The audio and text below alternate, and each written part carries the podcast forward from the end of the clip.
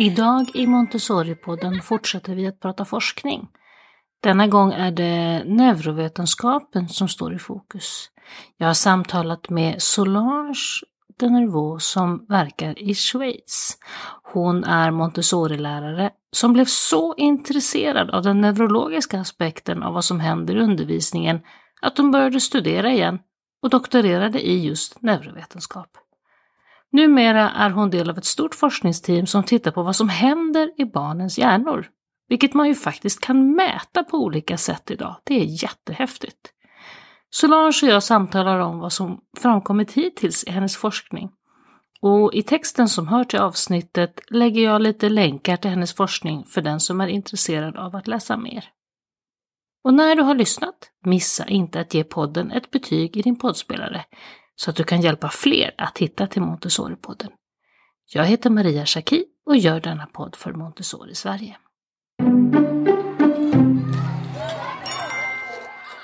Welcome to the Montessori podcast, Solange. Thank you. And I'm glad to be here. And thanks for the invitation. We met in Stockholm a few weeks ago when on a symposium, a researcher symposium, where you introduced your research. Exactly.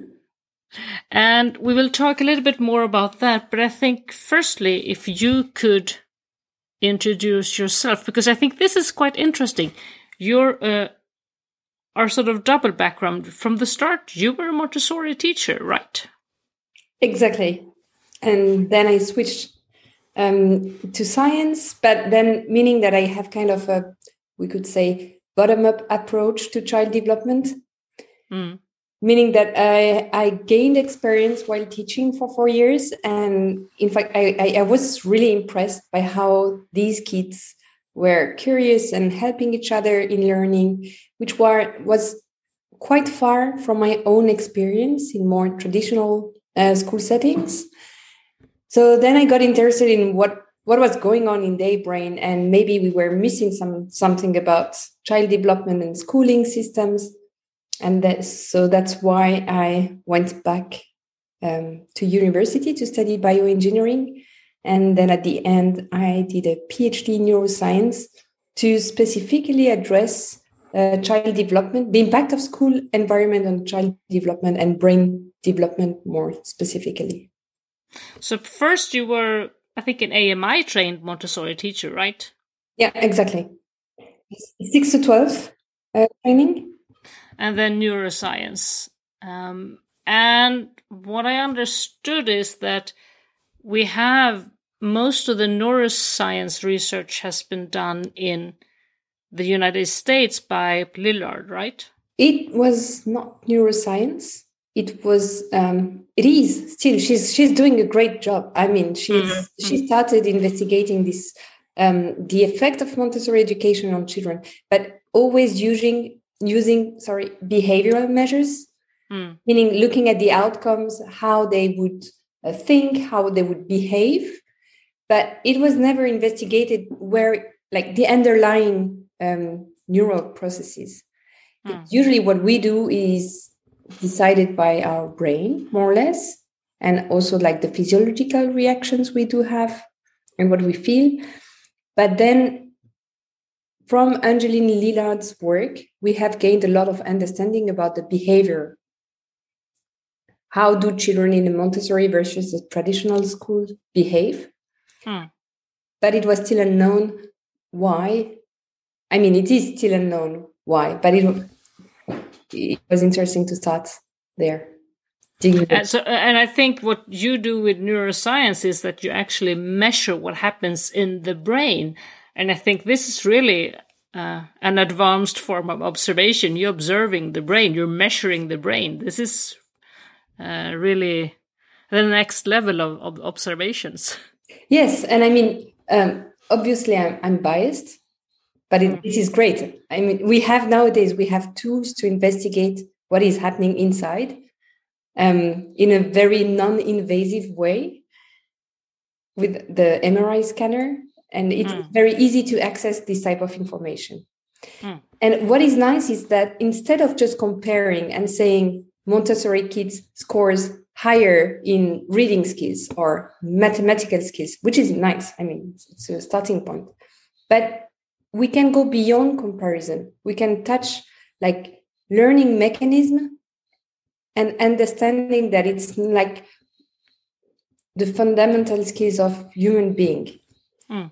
which goes a bit be, beyond pedagogy because it, it is also informing adults about their own behavior and how we do learn as adults and where it does come from like the type of reaction we have and and i think that's the beauty of neuroscience and when we met in stockholm you had a presentation where you presented quite a few surveys and and, and that you had done uh, about how the pedagogy shapes the ability to learn with the children. And if I remember correctly, you had sort of two groups of of of uh, things you had researched. One was about mistake, and the other one was about creative thinking. Right? Yes, exactly. And so, if we start with with mistakes, uh, tell us about that research. Yeah. So, like the, I think the the basic finding I got during my PhD was about the way children learn to do mistakes and to self correct is clearly like between 6 to 12 years old. Children will shape their reactions and wire their brain according to their schooling experience.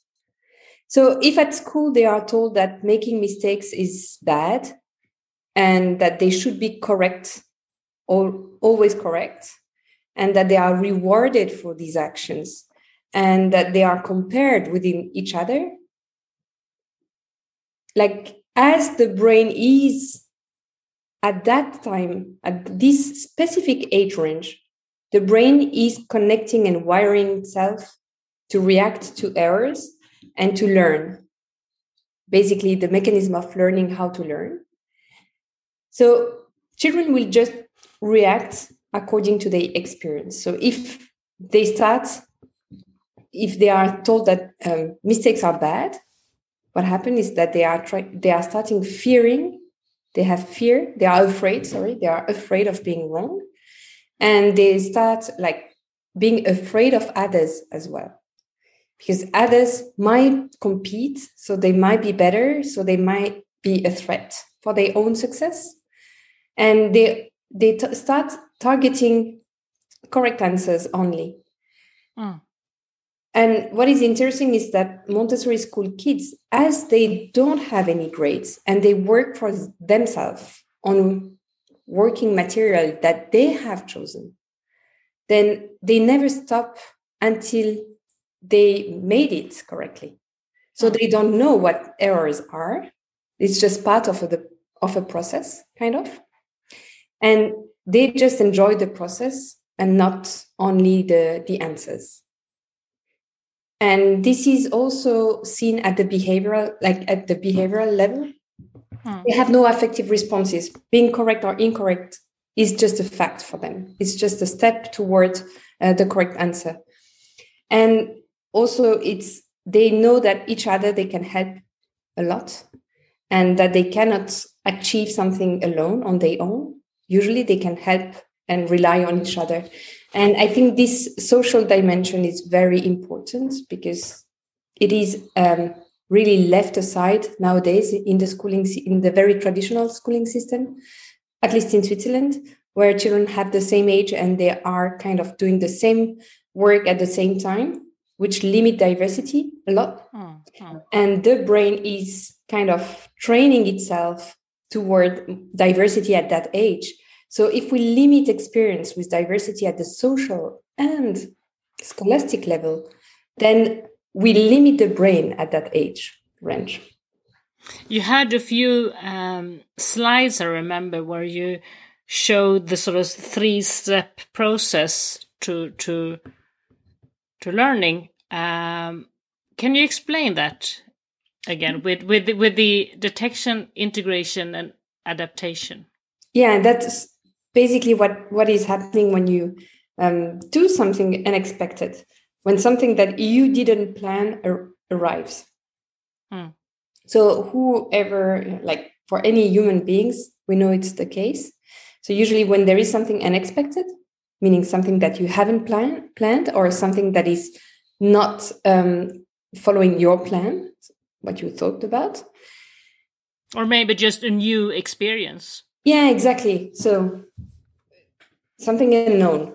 When you, you face something unknown such an error it could be an error if it's at school then you just slow down because you have your brain is very keen at detecting when something when there is a mismatch kind of. Mm. so then you slow down. That's the detection step once you have slowed slow down your like your eyes will be wide open and your all your senses are very alert and you will just integrate information at that stage. Because your your brain is, is kind of uh, gaining information and reshaping some connectivity inside to adjust information. And then once it's done it is integrated. You have learned something so you won't be surprised anymore the next time.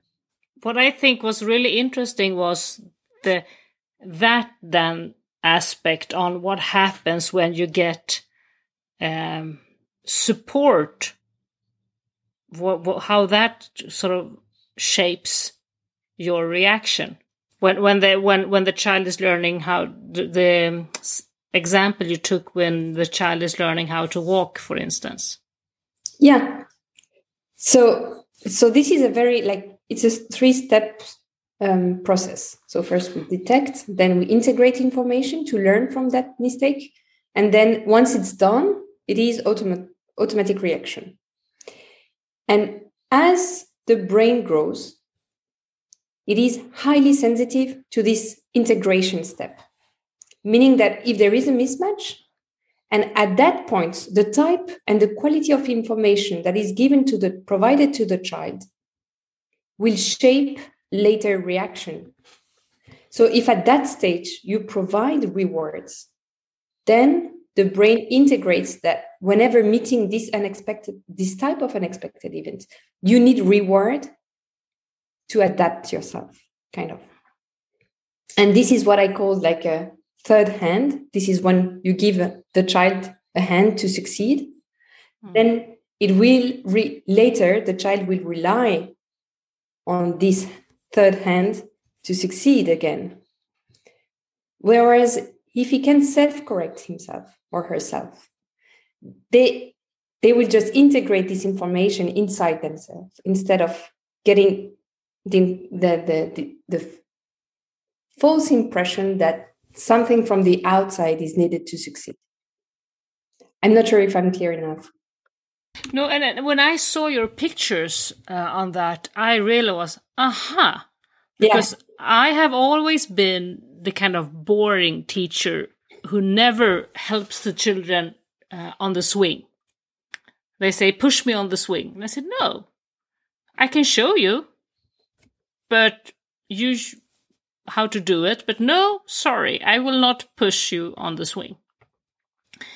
And what happens is, even when I was working with the toddlers, the two year olds, and what happened was that they were just laying on the swing, trying to catch some speed, and then eventually standing on the swing. And then finally, very young, they managed to swing independently with quite high speed. And so when I saw that picture that you had, I was like, okay, thank you. I was right. it was quite reassuring to have always been the boring teacher who never pushed them on the swing. But then I saw that, yeah, I was instinctively feeling that this was the right thing to do or not to do. Yeah, I mean, then it's also a matter of context because I, I get yeah. there is no right or wrong, but it's also when you feel that the child can make it. Yeah by themselves, then you shouldn't do it for themselves. But it wouldn't be fair for a baby to say like, no, I, I won't push you. You need to learn. Yeah. They cannot. And I think that's the maybe the wiseness of uh, just observation when when the child is able or not to do it sure and then step back when you we know they can make it by themselves or attract them towards making it by themselves. I've then, seen this lately quite a lot as well with learning how to ride a bike where now you tend to have more these sort of bikes without pedals that they can learn just to the balance bikes how it seems like the children are i've seen it on my nieces and nephews how they're learning much faster to to ride a bike because they're working so much on the balance and they don't have these extra wheels and they seem to get the balance up very quickly not relying not getting the false information from the side wheels. Yeah. Yeah. Then again i think there is always counter examples and sure we sure. just should keep in mind that when children are growing the quality of feedback is crucial for their later behavior mm. and if we want to keep them in a very uh, exploratory state and gaining curiosity in what they do and never stop being curious about life and as well also collaborate and cooperate then i think it's very important to understand that we shouldn't make any judgments provide like judgmental feedback and mm. stick on more uh, factual feedback or uh, even like observational just describe what is happening mm.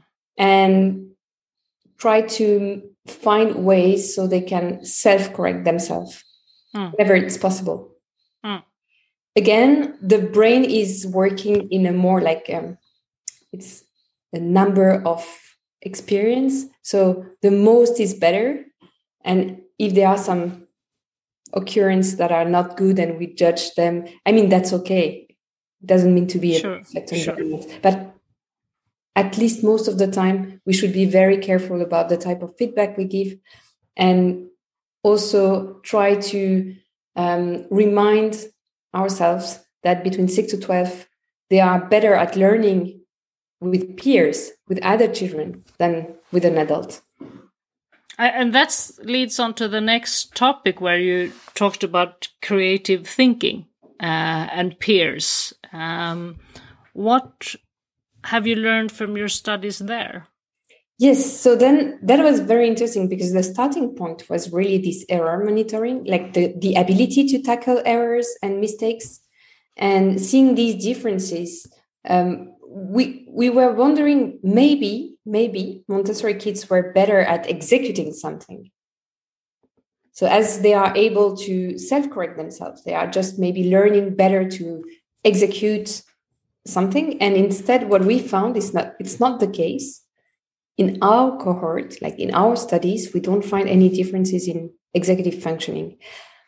So in their ability to execute something they have to do however they do differ a lot in the way they are able to come up with new ideas which is called creative thinking hmm. and creativity is the ability to come up with unexpected events. So this is tightly related to error monitoring, to the ability to monitor errors. Because if children are trained on a daily basis to face unexpected events, very naturally, they are able to generate themselves unexpected events. Mm. They are comfortable with that. But if they start fearing being wrong and fearing getting into the unknown, how can they be flexible enough to themselves create something that is hmm. unknown? Mm. So this is tightly related, and I think just basically from from a developmental point of view, and if we just remind ourselves that we are just animals somehow, and what is the point of any animals? It's just to survive and to adapt to the environment to live in. Mm. And the brain is programmed that way. So across development, the child has different face, different form of unexpected event, like face diversity first at the physical level, and then later at the mental and more cognitive level, and then at the social level. And that's how the brain is trained to face diversity and to adapt to this diversity. So we should keep in mind that children need these type of environments where diversity exists just to adapt and learn to adapt. And then children gain the ability to like be part of the environment with active engagement in this environment and create hmm. themselves and contribute themselves to the environment. And this is how, at least in my eyes, uh, this ability to tackle errors is tightly related to the ability to to be creative. Hmm. And these children were so scoring so high in creative thinking that I was wondering maybe one feature of the Montessori uh, education might be more important than others. I mean, that's a whole environment. So I think every aspect is very important. But I was curious about peer to peer interactions and how children were learning from each other and how it would impact this creativity. And these are the studies we, we did over the past two years. And what we find is that children, when they work together, they will be much faster at synchronizing their brain activity. And by synchronizing their brain activity, they can learn and co create much better than when they work with an adult. And this is quite logical because we might be perceived as very random for a child. We do many, many, many random actions. However, when they interact with a, with a peer, the randomness is smaller. So they know exactly what is the unexpected event, what is the novelty. And they can catch up very fast the novelty. And so they can integrate this novelty and work with it much better than with an adult. I mean, we are maybe too far from the uh, mental state at that time. Mm. Yeah, and you and, I, and the results you showed us was quite astonishing. How much more and better they learn from working with a peer rather than either alone or with a teacher. Yeah, it was quite a big difference. Yes, and it just reminds us that we are social beings and we are better when we work together than alone as well. Doesn't mean that we don't need um, to be sometime on our own but co-working is very efficient. And it does show us that if we don't train children at one point to do so it's not training but it's just like using the natural ability to do it. If we don't nurture this natural ability they might lose it. And that's maybe the whole um, in my eyes what is really dramatic with um, more traditional settings. If we think about the social environment children have they are not allowed to allow most of the time like almost all the time they cannot speak and interact with their hmm. peers. And so they stop doing it they stop their spontaneous reaction. And then we are just living in a society where where everyone is just thinking about they themselves and um, collaboration is very difficult and you hear a lot of problem at work of misunderstanding be- between human beings. So maybe the roots is just at school. When you talk about peer-to-peer learning uh, is it age integrated or what type of peer to peer are we talking about? I mean, is this is this an argument for the age integrated classrooms with where, as we in Montessori have like two to three different age groups, or is it just peer to peer in general, or what's the concept here? This is, I, I think, this is a very, very, very good question, and of course, when we do scientific studies, we need to be very careful about the like we control a lot of variables. And for now, what we have done is that we have used same age children in a very specific task of creativity. then we will just deepen that work and go and study like age range mm. um, and also forced versus like spontaneous interactions uh, because my guess is that multi-age like age integrated uh, classrooms is working much better than same age classes because then there is diversity and also that spontaneous uh, mm. working is mandatory rather yeah. than forced when you have a multi-age classroom it's natural to help your peer because you know more or you know less exactly mm. and also letting children orientate themselves toward the person they see at that point as an expert in a specific mm. domain mm. which might be another one for another domain or another one for the same domain but another sure domain.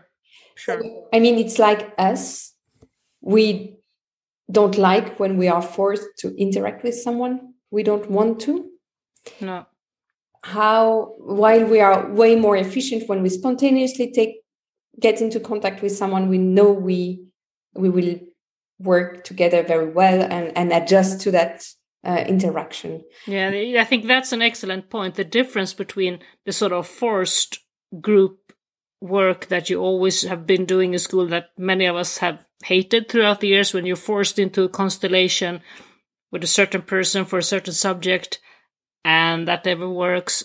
Whereas this, as you're talking about now, is a sort of spontaneous interaction in a multi age classroom where you seek the expertise from your peers. Yes, and I mean that's how attention spontaneously work in the brain. We mm. orientate ourselves toward like stimuli that are matching our learning level. So it means that children have the same mechanism and they know intrinsically who they need to talk to. And sometimes the illusion I, I, guess or the impression or the need of control of that behavior in kids and we want to force them sometimes even not for good reasons. So i think it's just we should be caution, cautious uh, at that stage with these results because i think it's very true that children synchronize their brain together better than with an adult however we miss some better understanding of these processes and the highest risk I see would be that every teacher starts saying, okay, now we need peer-to-peer learning, so you will yeah. work together, which is also also, I mean, the other type of extreme and also maybe impairing learning. Yeah, probably. Two other things that I thought were interesting in your findings there was that the children seemed to react more constructively to errors when they work together than if adults are showing them the errors. Yeah, so I, I, I guess you're talking about the study with the hook task mm. and over imitation. Sure. In this study, um, it, it was more about how much they would be able to extract information, which is kind of critical thinking. You know, critical mm. thinking is the ability to listen to something and just extract information you need and you trust. And the fact that children are trained to self correct themselves, so to find out by themselves, make them very good at having this type of critical thinking abilities. And we showed that even when observing an adult montessori kids they would wouldn't rely on the adults they would rely on on themselves and keep um, extracting the relevant information for the task. While uh, traditionally schooled children what they tended to do is like if the, if it was an adult showing something then they would rely on the adults whatever it was and not extract the relevant information. And this is something we called um, in the field over imitation mm. is this um, tendency to imitate what you observe whatever it is.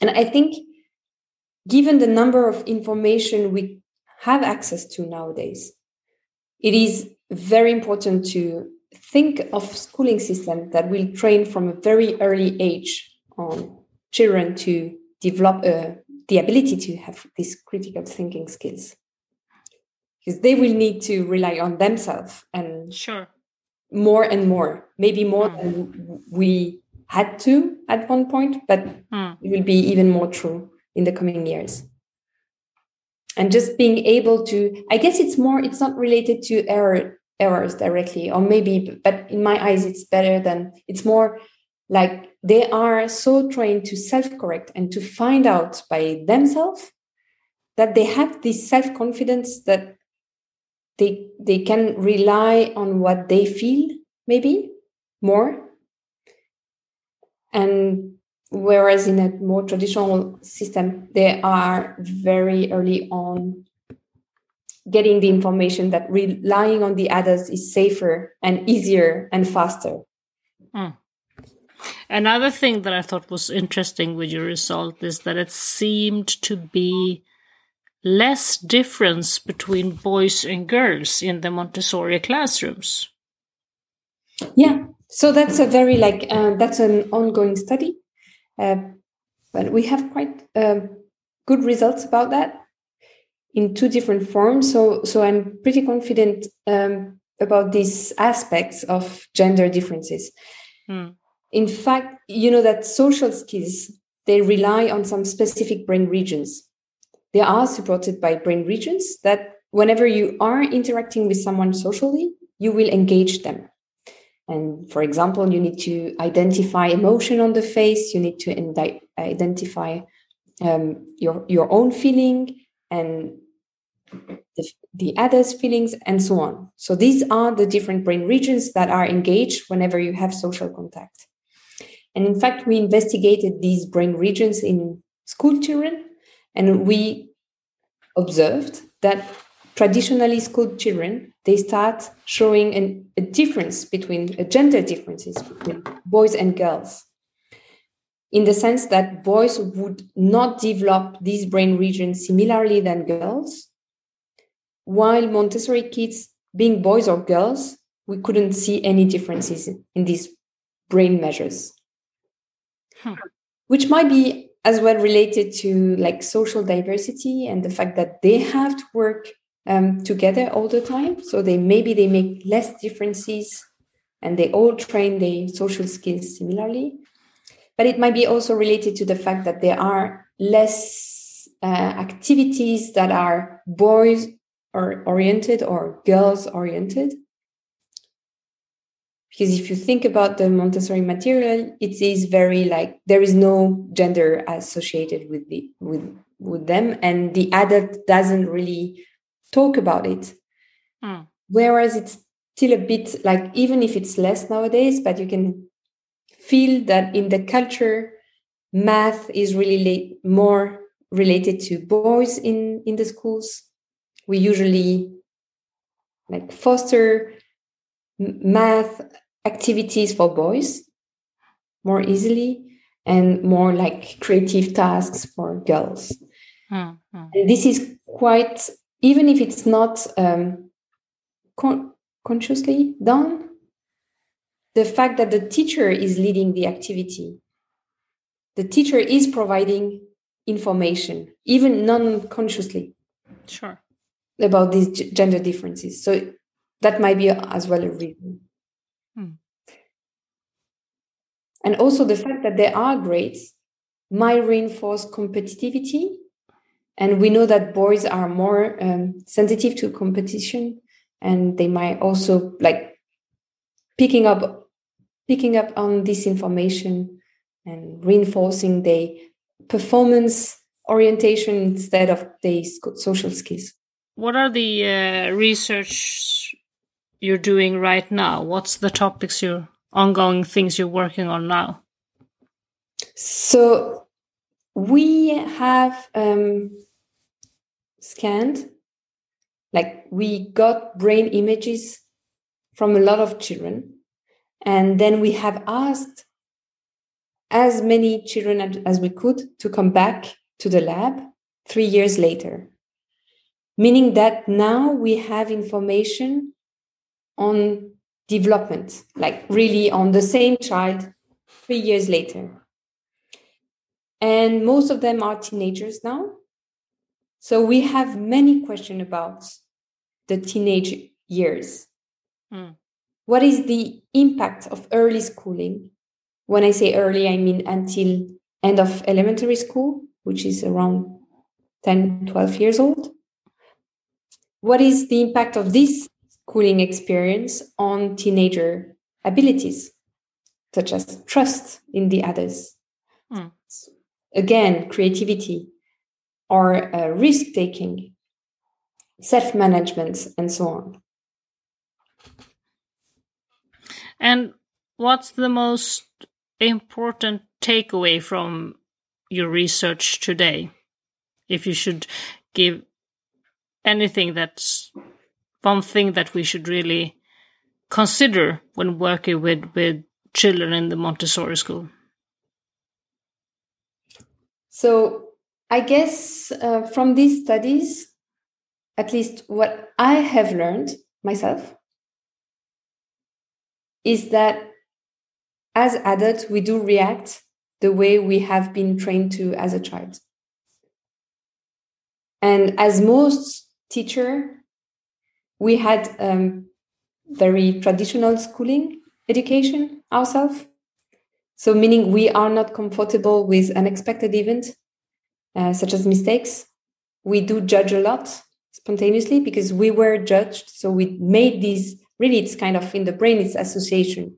So we have connected some regions like errors with judgment, negative judgment, being correct with very positive judgment. Mm. So we do have this connectivity, most of us, and it does impact our exploration abilities and our also, um, as I said before, our tendency to just imitate and maybe over imitate what we are told to do or what we observe and we lack maybe the capacity to collaborate and cooperate. Of course, I'm using kind of black and white. Um, sure, sure, sure. Just to make it clear. But the idea is there is like we need to learn out about ourselves better and to understand who we are so we can better understand who the children are and that they mm. are building these skills and we don't want them to make this type of association because no one is happy um, not being comfortable with errors i mean or not being in conflicts with others with being in, in conflicts with others. So it does inform about our own history and that we can change this history because brain plasticity exists until we are dead. And this brain plasticity exists but requires a lot of effort. But we can change and we can mm. and the more we are ourselves comfortable with being wrong and that it's okay and it's just part of the process i think the more we will be okay with children developing spontaneously that way mm. and the less we will judge them so the and that's then that's a feedback loop kind of mm. and in your research, I guess you also have been looking into other research in the field. Is there, and I mean, Dr. Montessori formed all this from her observation. Uh, she didn't have the fantastic tools you have today with measuring the brain. She did it all by observation. But what are, is there anything um, of her, you know, the, the basis in the theory uh, of the Montessori method that neuroscience today has um, adjusted. that's okay. Maybe that was oversimplified, and maybe that's not completely how it was. I'm thinking about you know all the sensitive periods and and um, all kinds. You know the basis we have. Is anything that sort of has we have other other answers to today? So you know, she really spent 50 years of her, her life observing mm. Mm. And she really observed children. She never made any theory like Piaget. So I think her understanding of child development was reaching a very, very high level. Um, and on the other side, my uh, knowledge about um, child development from a neuroscientific point of view is not deep enough uh, to have any argument yet saying mm. This is not correct. I mean, maybe the age range are changing a bit because now okay. kids, of course, they have access to more information much younger and they are stimulated younger. So, and they participate in life at home more often than maybe before. So maybe these sensitive periods for like sensory training are shifted a bit, and mm. they are younger, um, attracted toward uh, reading or. But this, I I don't have any scientific evidence. That just some guesses. Mm-hmm. As as as as society develops, maybe some of these sort of statistics truths about when a child is mature for this or that yeah. has slightly shifted because of the changes in society. Yeah, exactly. And access to information and yeah.